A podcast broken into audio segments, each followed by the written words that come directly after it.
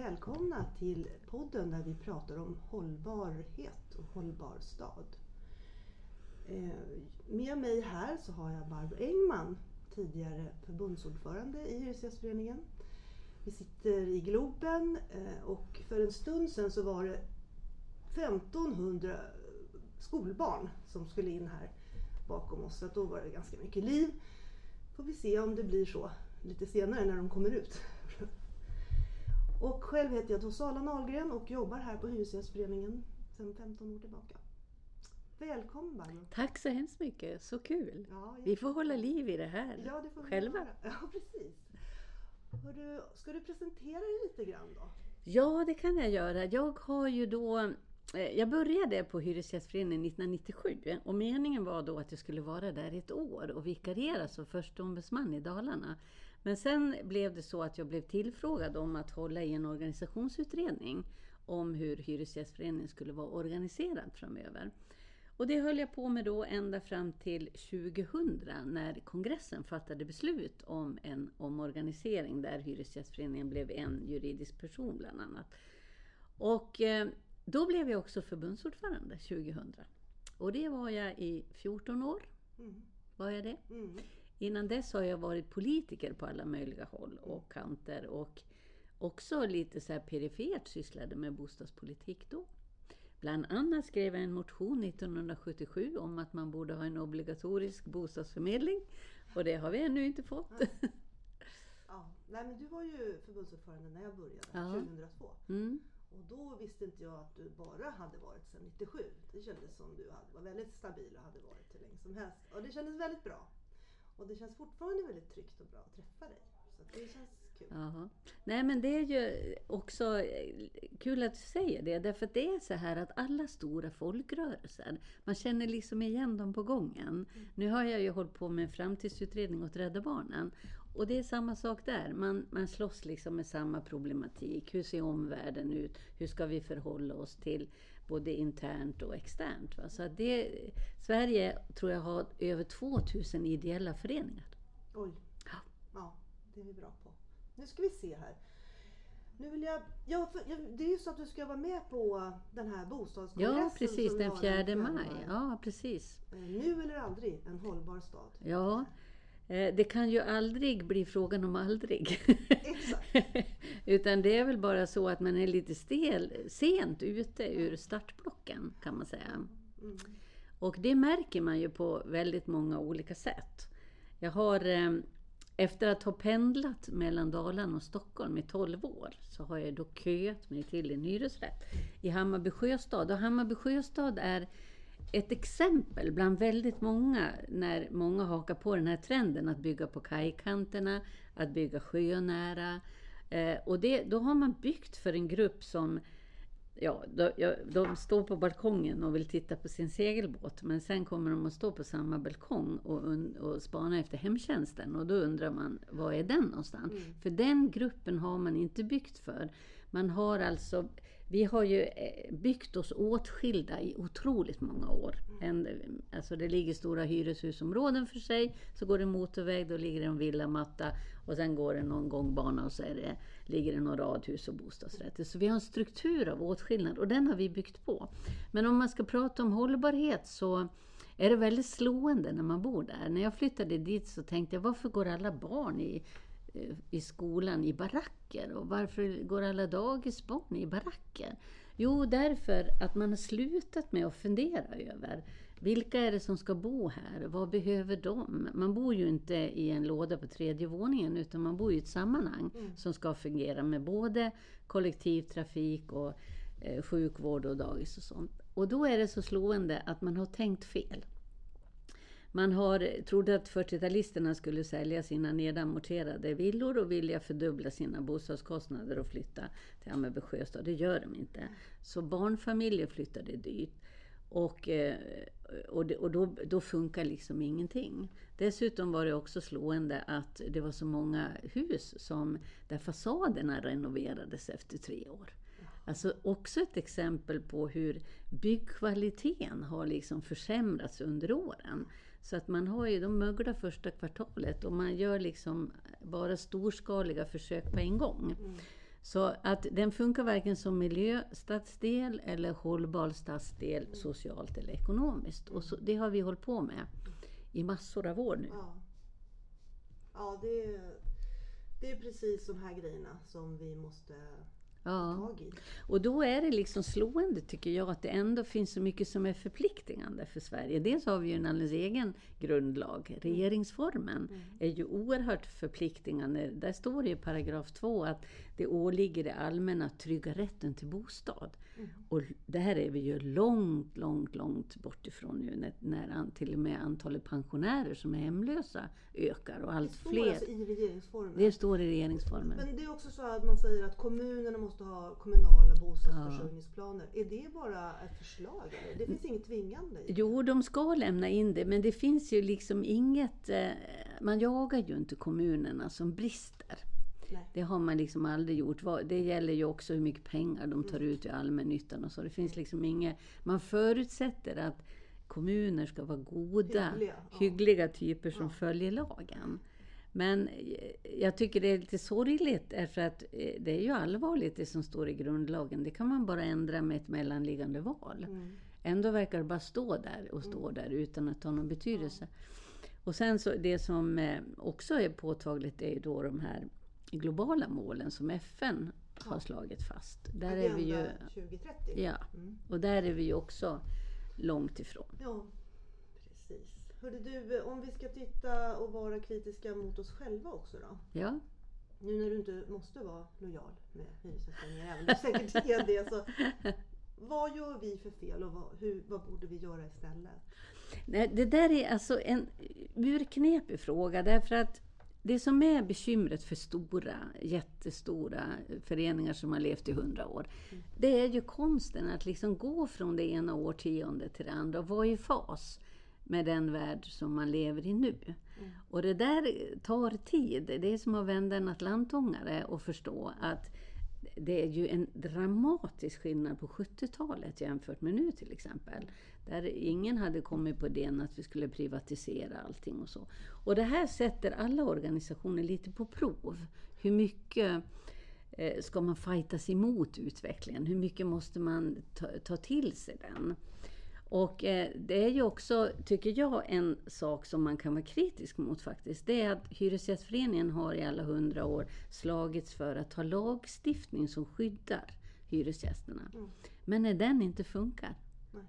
Då blir hyresgästerna arga, går ut på gator och torg och blåser i visselpipor och undrar vad är Hyresgästföreningen nu då? Mm. Och den där dubbelheten, det ser vi till exempel vid renoveringar. Och vi ser det på eh, ja, alla gånger man inte vill byta ut köket och alltihopa det här. Att vi har ingen lag som skyddar oss. Och då kanske vi måste återvända till lite mera militanta metoder. exakt. För det tänkte jag också att, eh, och- hur tycker du om det? Hur ska vi kunna påverka mer? Måste, Nej. Borde vi bråka mer? Ja, jag tycker att vi ska bråka mer. Därför att en, det lärde jag mig då när 2005 gick ju de privata fastighetsägarna till EU-kommissionen och anmälde svenska staten eh, för brott mot EUs och statsstödsregler. Allmännyttan eh, var det då som stod i fokus. Och då började vi med det som vi är så duktiga på. Vi tog fram utredningar, vi travade iväg till den statliga utredning som tillsattes. Ända till vi förstod, det här kommer inte att hjälpa. Vi kan lämna högvis med utredningar så kommer det inte att hjälpa. Så då återvände vi till våra medlemmar och sa, nu måste vi väsnas. Nu måste vi se till att skapa, eh, skapa opinion för det här. Och det var ju då vi hade eh, demonstrationståg på nätet. Vi hade, eh, jag gick med alla de där 60 000 namn över Drottninggatan på, just där vi hade skrivit dem på 2008, tjocka band. 2009 tror Ja. jag det var. Ja. Och vi hade eh, folk överallt där ministrarna var. Så hade vi kartlagt det och sa nu kommer Mats Odell till eh, Linköping. Nu får ni ge er ut där. Bostadsministern va? Ja, och prata, eh, ställa frågor och visa att ni finns. Och eh, departementet översköljdes ju med vykort. Det. Och det är ju Hyresgästföreningens styrka att kunna vispa upp en opinion. Ja. Det svåra är bara att förklara vad är det som händer. Och då är ju bostadspolitik en knepig blandning av politik, juridik och ekonomi. Så att det är svåra frågor att göra enkla så att folk förstår att här är det fara och färde. Mm. Och det, den lärdomen måste man liksom ha med sig, att det räcker inte med fakta och prata, utan man måste också använda medlemmarna. Minns du vad det stod på de där vykorten? Avgå omedelbart stod det. Är det sant? Till, ja. Ja, men, skrev man själv eller? Nej. ja, man skrev själv. Ja, ja, ja. Man Därför att skrev nu själv. har vi några vykort eh, där det på framsidan står någonting med se människan eller något sånt där. Ja, nej, men det, det var ju ilskna. Ja. var, medlemmarna fick skriva själva. Ja. Men det hade ju också en baksida, nämligen de fick förstärka eh, säkerheten på departementet. En del nöjde sig inte med att skriva avgå omedelbart, utan var lite mer drastiska. Det- Nej, men man fick formulera det där själva. Och eh, det var ju ett hårt... eh, Alltså efter hela det här, 2010 tror jag det var, då kom alltså en utredning som eh, det, det, det, ledde, det vi gjorde så att säga, det ledde till sist till att allmännyttans hyresledande roll, heter det va? Ja, Det vill säga att styrde de privata hyrorna Mm. så att de liksom skulle hålla, så hållas Mm. nere så gott det gick. Att detta upphörde. det upphörde. Och då kan man säga så här, att när den här anmälan kom till EU, det första skedet det var ju att, för, att de politiska partierna i Sverige efter en stor möda enades om att man skulle hantera den här frågan i Sverige och inte låta EU hantera den. Och det var ett otroligt bra beslut därför att de, man de anmälde ju också eh, på motsvarande sätt i Nederländerna och Frankrike och så vidare. Och det ledde till helt andra resultat. Nämligen att man fick ett eh, fick social housing kan man säga. Man fick alltså ett inkomsttak på dem som skulle få bo i allmännyttan. Och Sverige ville inte ha so- social housing. Det var alla partier överens om. Därför att det skulle öka segregationen. Ja, och det skulle ju förvandla liksom allmännyttan som har liksom varit bred och kunna erbjuda bostäder till alla. Skulle man ta bort det och istället så skulle vi få subventionerade bostäder och det ville man inte. Och då, eh, då, då tillsatte man ju en statlig utredning som leddes av Mikael Kock. Och vi såg ju på förfäran på den. Därför den var bara inriktad på en slags eh, marknad där privata fastighetsägare och allmännyttan skulle jobba efter precis samma villkor. Och de första utkasten vi fick, då hette det inte ens allmännytta. Det fanns ingenting om allmännyttiga bolag, utan det var kommunala bostadsaktiebolag. Men vi insåg ju att det här kommer ju att ta en ände med förskräckelse. Så att eh, då bestämde SABO, eh, allmännyttans paraplyorganisation och Hyresgästföreningen, sig för att försöka ta fram ett eget förslag. Och det som var en av de riktigt stora stötestenarna, det var ju att allt, hela deras allmän, eh, anmälan byggde ju på att de privata fastighetsägarna skulle ha samma spelregler som allmännyttan. Att man skulle konkurrera på samma villkor, att man skulle bli en fullvärdig förhandlingspart. Och då insåg vi att det här kommer inte att eh, överleva. Därför att det var liksom själva kärnan i deras anmälan. Och det fanns heller ingen politisk uppslutning kring att behålla den, den hyresledande rollen. Som ju en gång också hade sin, sin grund i att allmännyttan drevs av en självkostnadsprincip. Men den var ju borta sedan många, många år tillbaka. Jag vet att när jag började på Hyresgästföreningen 2000, då hade Stockholmsbolagen lämnat 3 miljarder i vinst till Stockholms kommun. Yes. Så att när den konventionella beskattningen kom, då, då, hade det, då var redan bolag som liksom gift, gick med vinst. Så då gällde det liksom att få koll på vad ska de ha rätt att göra med de här vinsterna. Och ja, så småningom så blev det ju då en, eh, ett förslag som vi kunde leva med och som de privata fastighetsägarna så småningom eh, anpassade sig till. Även om alla lagar sen ska tolkas och de kan tolkas på, ty, uppenbarligen på hur många olika sätt som helst. Men det var ju också resultatet blev ju att vi slapp marknadshyror även denna gång. Så att det var, det var inte fegt, utan det var ju ett försök att se vad kan man göra nu i denna akuta läge där EU plötsligt ska bestämma den svenska bostadspolitiken. Mm, ja. Okej. Så att eh, det var inte eh, fegning? Det Nej, var alltså det var... Det är ju... lag efter läge? Ja, laga efter lägenhet. Ja, men det, det är jättesvårt det här. Därför att jag kan säga så här att vi hade, eh, en upp, vi hade ett förslag till en uppgörelse med SABO och fastighetsägarna. Ett liksom, eh, dokument som, som, som jag inte vågade skriva på. Vi hade en stor konferens i Arlanda där, som satte nej till det. Och hade jag skrivit på det där, då hade jag varit hjälte sex månader senare. Men då gick det inte. Därför att det är ju oerhört knepigt att föra liksom en dialog med en organisation om vad kan vi göra, vad ska vi göra, hur gör vi nu?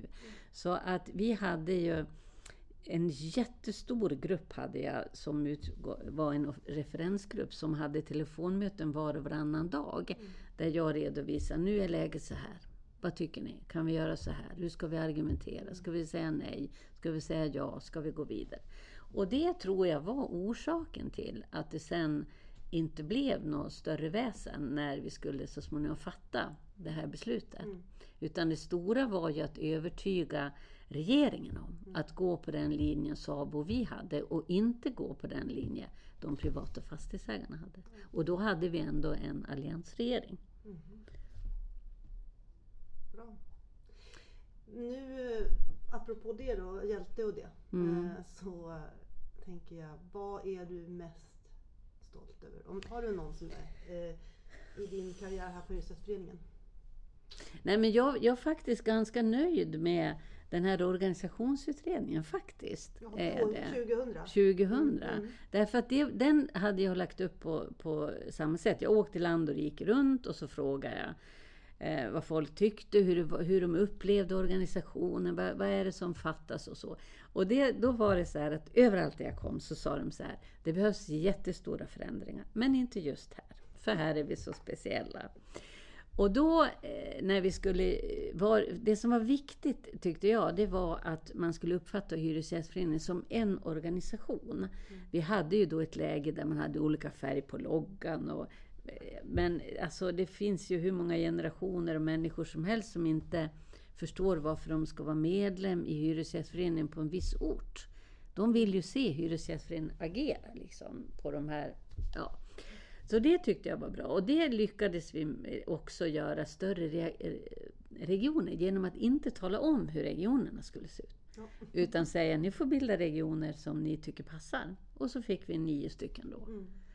Så att jag tycker att den processen var liksom ganska bra. För att det förändringsprocesser i stora organisationer är nästan omöjliga. Det är liksom en dragkamp mellan stigfinnare och felfinnare. Mm. Och vinner felfinnarna, då kommer man ingenstans. Nej. Det måste bli en balans däremellan. För att det går inte att ha en organisation som lever kvar i tron att, vi, att villkoren är som på 70-talet till exempel. Och sen är jag ju faktiskt trots allt ganska nöjd med att vi lyckades få medlemmarna på benen och stoppa de värsta delarna av eh, allmännyttans förändring. Det, det tycker jag ändå att vi gjorde en eh, gigantisk insats där som fick regeringen att spola sin egen statliga utredning till förmån för den utredning som SABO och vi hade gjort. Och vi satt nere på SABO dygnet runt.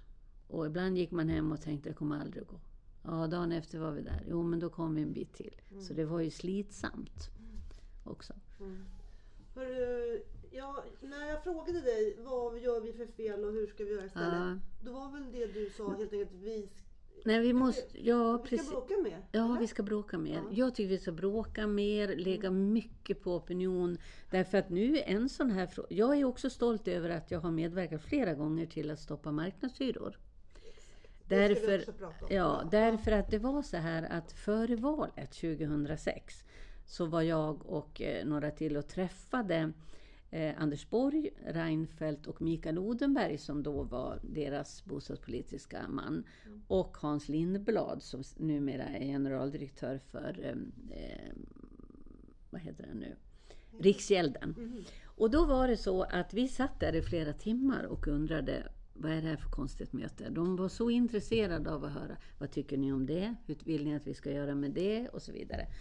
Och sen berättade de för mig flera år senare att alltihopa var till för att visa att de inte hade dynamit i fickorna. De tänkte inte göra någonting åt eh, hyresförhandlingssystemet. De tänkte införa marknadshyror. Vi övertygade också Anders Borg om att dra tillbaka ett förslag från riksdagen som redan hade gått till riksdagen om att ha fri hyressättning i nyproduktionen. Nu är ju alltihopa det där ändrat. Mm. Då stängde de dörren för marknadshyror i, på sin kongress i Gävle, Moderaterna. Nu har de öppnat den Ja, på vid ja. gavel. Så att jag, Inte bara de heller, inte bara de. nej, nu är bo, hela Alliansen och SD. Ja. Så att eh, vi har ju haft marknadshyror sju gånger de senaste hundra åren. Mm. Men de, varje gång har de inte klarat provet utan det har blivit hyresreglering ända till vi fick förhandlade hyror. Mm. Så att nu är det läge igen. För jag har några frågor om just marknadshyror. Mm. Det, alltså det ena helt enkelt.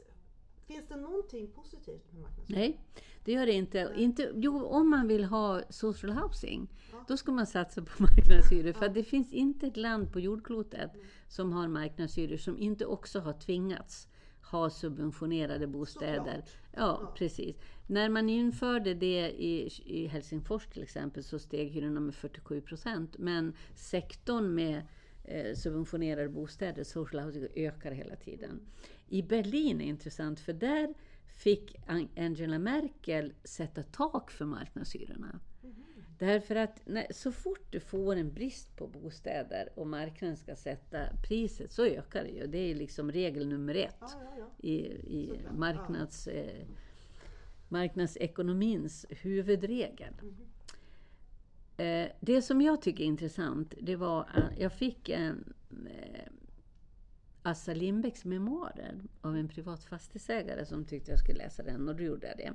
Det som är intressant är att han, säger, han har ju hållit på med det här i 50 år, ingen har lyssnat hittills. Men han eh, säger så här att det kommer att bli en gigantisk förmögenhetsöverföring till de privata fastighetsägarna. Så kan vi inte ha det, säger han. Utan då skulle man ge skuldebrev, alltså reverser till hyresgästerna. Så de fi- fick att betala hyran med, för då fick man liksom en delning av den här vinsten. Men det har vi ju redan, hyresförhandlingar. Ja. Så att den aspekten på vilka, vilka enorma pengar de kommer att tjäna på marknadshyror, den är helt borta. Det som också inte finns, det är ju att det samtidigt innebär att man tar bort rätten att förhandla för hyresgästerna. Så att det finns bara, eh, hyresgästerna är bara förlorare på detta. Men det som jag tror, eller det som jag förstått när vi har pratat runt, att det finns väldigt många unga människor som, tänk, som tror att marknadshyror är lösningen Ja. för att de ska få en bostad. Ja, precis. Eh, Och det, och då, skulle jag, ja, då är utmaningen hur Ja. pratar man med dem? Hur Ja. kan man på ett enkelt och tydligt sätt säga, lika tydligt som när de själva säger att om vi bara får marknadshyror så kommer det lösa sig Det själv. där är svårt, alltså därför att min teori är också att nu har de politiska ungdomsförbunden flytit upp i partiledningarna. Ja. Och alltså ungdomar är ju ideologiskt mera liksom slags övertygade. Va? Det är ju Annie Lööf har ju alltid väl haft marknadshyror. Men nu har de ju flytit upp i Liberalerna och de här Luff och Huff och Muff och allt vad de heter. Och, då, och, och de är likadana som ungdomar är. Förvissade om att det finns någon, någon liksom smart ideologisk grej med det där. Men då skulle man ju kunna ta lite byggklossar och liksom sätta upp och säga det här är hus och det här är de som söker bostad. Vad händer när det är så oerhört många fler som har en bostad än någon som står här? Jo, priset höjs. Det är liksom, mm ingen ifrågasätter det heller. Så jag vet inte hur de tänker att de ska klara av de hyresnivåerna som blir. Nej. Visserligen så lever ju de farligt ändå eftersom de får betala sådana fantasirummar på andrahandsmarknaden. Yes. Va? Så att de är ju van då att tränga ihop sig tre, fyra stycken Mm. och betala en hyra. Men det är ju liksom ingen schysst. Sen är intressanta är ju också då att det här är ju till för att öka rörligheten.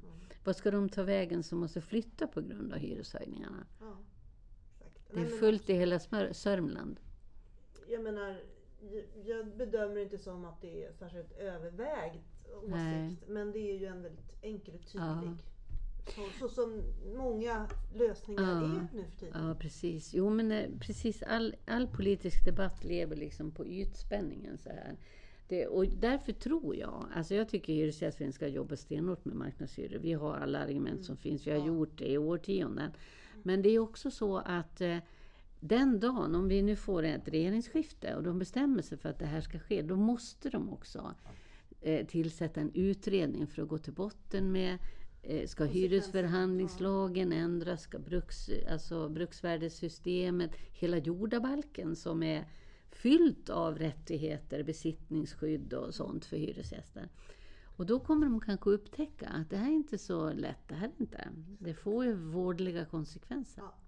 Apropå enkla lösningar då så eh, Jimmy Åkesson Ja. eh, gick ut här om, för sistens om att han hade blivit inspirerad av Danmark Ja, precis. Att eh, utsatta bostadsområden kan man klappa igen. Ja. Så, ja. alltså det är ju...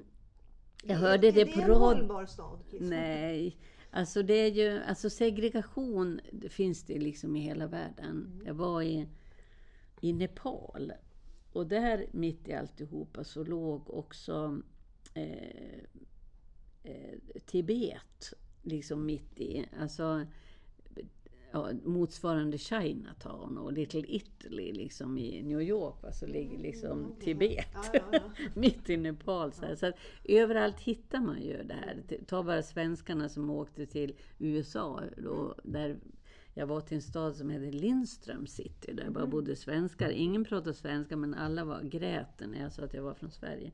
Så sålde de näsdukar där det stod svenska näsblåsare på.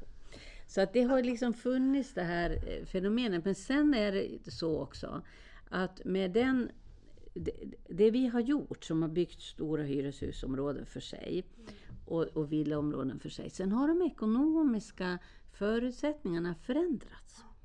Bor du i ett hyreshusområde så får du eh, fantastiska hyreshöjningar om du renoverar. Bor du i ett villaområde så får du rotavdrag. Så du kan renovera hur många gånger som helst. Och, så att även skatter, hela systemen, pensionssystemet, allting, alla politiska områden påverkar hur vi bor, var vi bor och med vilka förutsättningar vi bor. Och sen eh, är det ju så att man vill ju hellre göra någonting. Alltså det- det är ju den där bilden av till exempel Rinkeby, att det bara bor en massa gangsters där. Medan antalet knarkare är oerhört mycket högre i Djursholm eftersom de Jo, Knacka på sina partyn. Ja, och köper liksom av de som har. Va? Det, Vi skulle ju inte ha någon ekonomisk brottslighet om inte svenskarna gillar att köpa billiga varor som är stulna. Va? Så det, det är ju komplext det här. ja, Men jag tror ingenting skulle väl bli bättre av att man, man måste ju ge bättre villkor för att förändra. Eh, Jag För var, övrigt ska vi ut till Rinkeby Ja. också, bostadskongress. precis, och jag var... Jag satt ordförande på årsmötet Rinkeby Folkets hus för någon Ja, vecka sedan. Och då är det också slås man av, alltså oj vilka goda krafter det finns. Oj vad mycket människor det finns som har en otrolig längtan av att bara få göra liksom saker. Mm. Och då blir det lite dystert med den här bilden av de få procenten som ställer till det. verkligen. Eh, en av mina idoler, inte bara min utan hela svenska folkets idol, eh, Leif GW Persson. Ja, Han har hållit stilen tycker jag när det gäller det här. Men hans sista program där i serien Ja. på SVT. Då var det så här orering om hur dåligt det var, Ja. hur livsfarligt det var. Och. Nej men man, eh, Leif GW Persson får man, nu såg jag att han hade åsikter även om Svenska Akademin så att han är en allvetare. Ja, han vet allt. Nej men jag tror ju att man måste ta vara på de krafter som finns där. Men det är så sorgligt också tycker jag att alla föreningar som jag har varit inblandad i och som, jag sitter också i styrelsen för förorten i centrum som håller på med muralmålningar. Ja.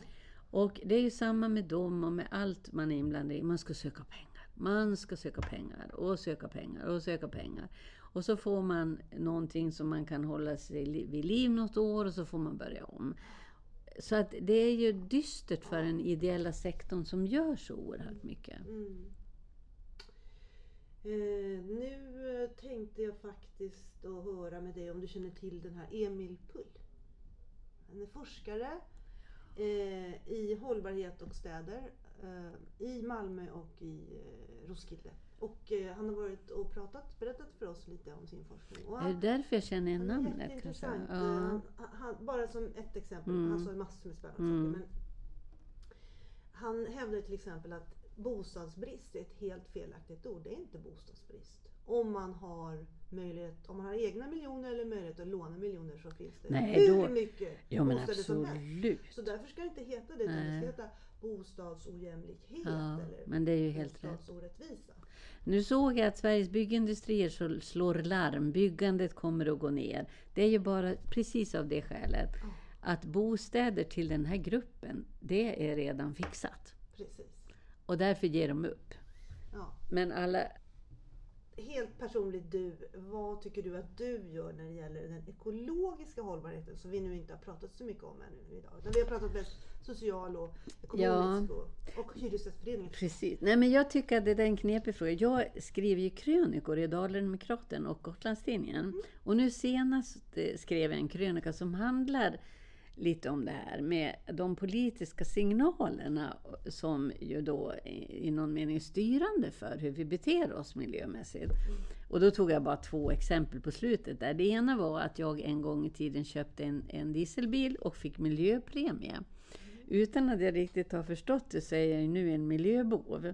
Och sen så har jag gått över till tygkassar för att bara lära mig, nu har det kommit artiklar om att det är mer miljöfarligt med tygkassar än med plast. Va? Så att jag, det där, jag tycker alltså att det är viktigt att, därför att svensken är duktig på att Jättebra. rätta in sig. Ja. Liksom. En sak som jag också har funderat jättemycket på det är det här med flygandet. Och eh, jag tror att det kommer att vara slut med alla som lägger ut bilder från Arlanda om var de är på väg någonstans. Alltså det är en knepig personlig fråga. Liksom, hur ska man göra med det där? Samtidigt som man, man blir en dålig människa om man inte ser någonting av resten av världen. Det måste Ja, man också göra. Så absolut. det, nu får man ju hoppas att det kommer några slags bränslen även där. Mm. Själv ska jag ta med, tillsammans med min son ut och åka interrail. Ja. sommar. Vuxen interrail. Jag tror att det är jättemånga som kommer att göra Ja, jag har det. hört också talas om det. När jag börjar tänka på det så Ja. förstår jag att det är inte bara jag. det- Jag har hört att man kan åka tåg till Japan. Ja, Ja, jag ska, tänkte åka tåg till Kreta. Det är också ganska det kan man. spännande. Ja, men får åka båt då ibland. För att jag var ju i Oman eh, nu Jaha. i tre veckor Jaha. och bodde i öknen. Och då sa min son så här, mamma, ska du förstöra miljön innan du dör? och då, för det kan, går inte att åka tåg till Oman, det är liksom Nej. lite väl långt. Ja. Men alltså det, jag tycker det är en svår fråga. Men jag gör ju sånt som folk gör, jag liksom sopsorterar Ja. och jag håller på och försöker. Och, på, bo, och sen är jag på Gotland ibland och då får man lära sig spara vatten. Vet du varför jag frågade det där? Nej, Mest, ska jag erkänna. Därför att jag, när vi har pratat klart, jag har bokat en elcykel som jag ska åka och hämta ut. ska du? Ja, och den får man ju också premie för. Bara du inte trimmar den som går i 100 km i timmen. Jag är lite rädd för det var flera år sedan jag cyklade. Men Jaha, var ska du? Det var ju väldigt bra. Väldigt bra. Nej, men jag märker också att jag, jag åker oerhört sällan bil Mm. i stan till exempel, när jag ska någonstans. Nej. Utan dels är det trångt, men dels funkar ju kollektivat. Så att kollektivtrafiken är ju ändå avgörande. Ja.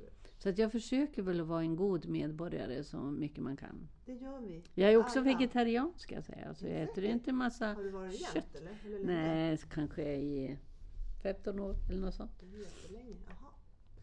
Ja men Barbro, Ja, tack för Tack att så jag mycket. Det var väldigt roligt det här. Eh, bara favoritfrågor. Ja, och så ses vi den fjärde maj. Jajamän, Mm. det gör vi. Tack så mycket. Tack.